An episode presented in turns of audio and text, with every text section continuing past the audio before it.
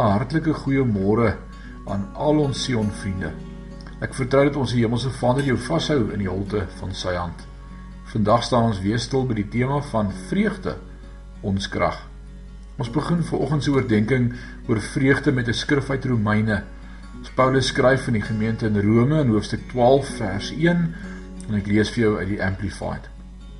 I appeal to you therefore brethren and beg of you in view of all the mercies of God to make a decisive decision of your bodies, presenting all your members and faculties as a living sacrifice, holy, devoted, consecrated, and well pleasing to God, which is your reasonable service of spiritual worship.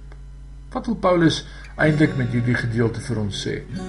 Moet ons in alles onsself en oor onsself aan die Here wy. Nie net ons besittings en ons finansies en ons tyd en ons energie nie, maar ook ons liggame, ons gedagtes, ons emosies, selfs ons houding. Dit is 'n daaglikse lewende offer, 'n living sacrifice.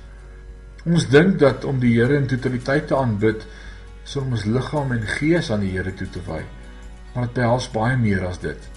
Hier sê Paulus vir ons ons moet ons denke en ons emosies ook aan ons wy. Hierdie is 'n belangrike sleutel ten opsigte van vreugde. As ons nie ons emosies en denke aan Jesus surrender nie, is dit baie maklik vir ons om ons joy te verloor. Dan is ek gefokus op die fisiese en nie die geestelike nie. Dan is ek gefokus op slegs die sigbare. Ek is gefokus op aardse goed. Jesus herinner ons in Matteus 6 vers 33 dat ons allereerst die koninkryk van God moet soek en dat alles dan vir ons bygevoeg sal word. Alles wat jy nodig het as kind van God, sal hy vir jou gee. Vers 34 herinner ons om nie oor die dag van môre bekommerd te wees nie. Vader gee ons genoeg krag vir elke dag. As ons fokus op wie God is, sy groot genade om my as sondige mens vry te spreek en my sy erfgenaam en kind te noem, dan het ons meer as genoeg rede om te jubel en te juig. Dis nie wat God vir ons kan doen nie, maar eerder wie God is. Hy is alomteenwoordig. Hy's 'n verlosser. Hy's die leeu uit die stam van Juda.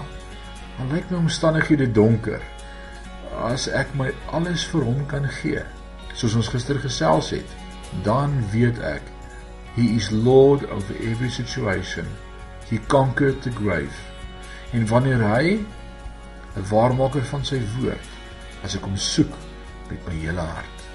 In Markus 12 vers 30 lees ons van toe die fariseërs Jesus probeer vasvang het met trikvraag en hy antwoord hulle met die volgende woorde. Love the lord your god with all your heart and with all your soul and with all your mind and with all your strength. Die Amplified vertaling in Matteus 22 deel dieselfde skrif met ons, maar herinner ons om ook met ons intellek, ons keuses die Here te eer. Met ander woorde, ek moet kies om die waarheid van God te glo bo die oënskynlike realiteit van wat ek ook al mag sien. Kom ons kies om Jesus se woord bo alles te glo. The rest will come. We have joy unspeakable and we are full of God's glory in every situation. Herinner jouself vandag aan wie God is. Kom ons bid saam. Ewige God en Hemelse Vader, wat 'n wonderlike voorreg om vanmôre stil te mag word met hierdie gedagte. Ons God is 'n groot God. En omdat U 'n groot, awesome God is en my vashou in die holte van U hand, kan ek vandag U vrede beleef wat verstande te bowe gaan en daardie vreugde uitleef ook teenoor my medemense in hierdie dag want U is met my 'n magtige held wat verlossing skep. Here ons eer U daarvoor. Wees met elkeen vandag. Dis my gebed in Jesus naam.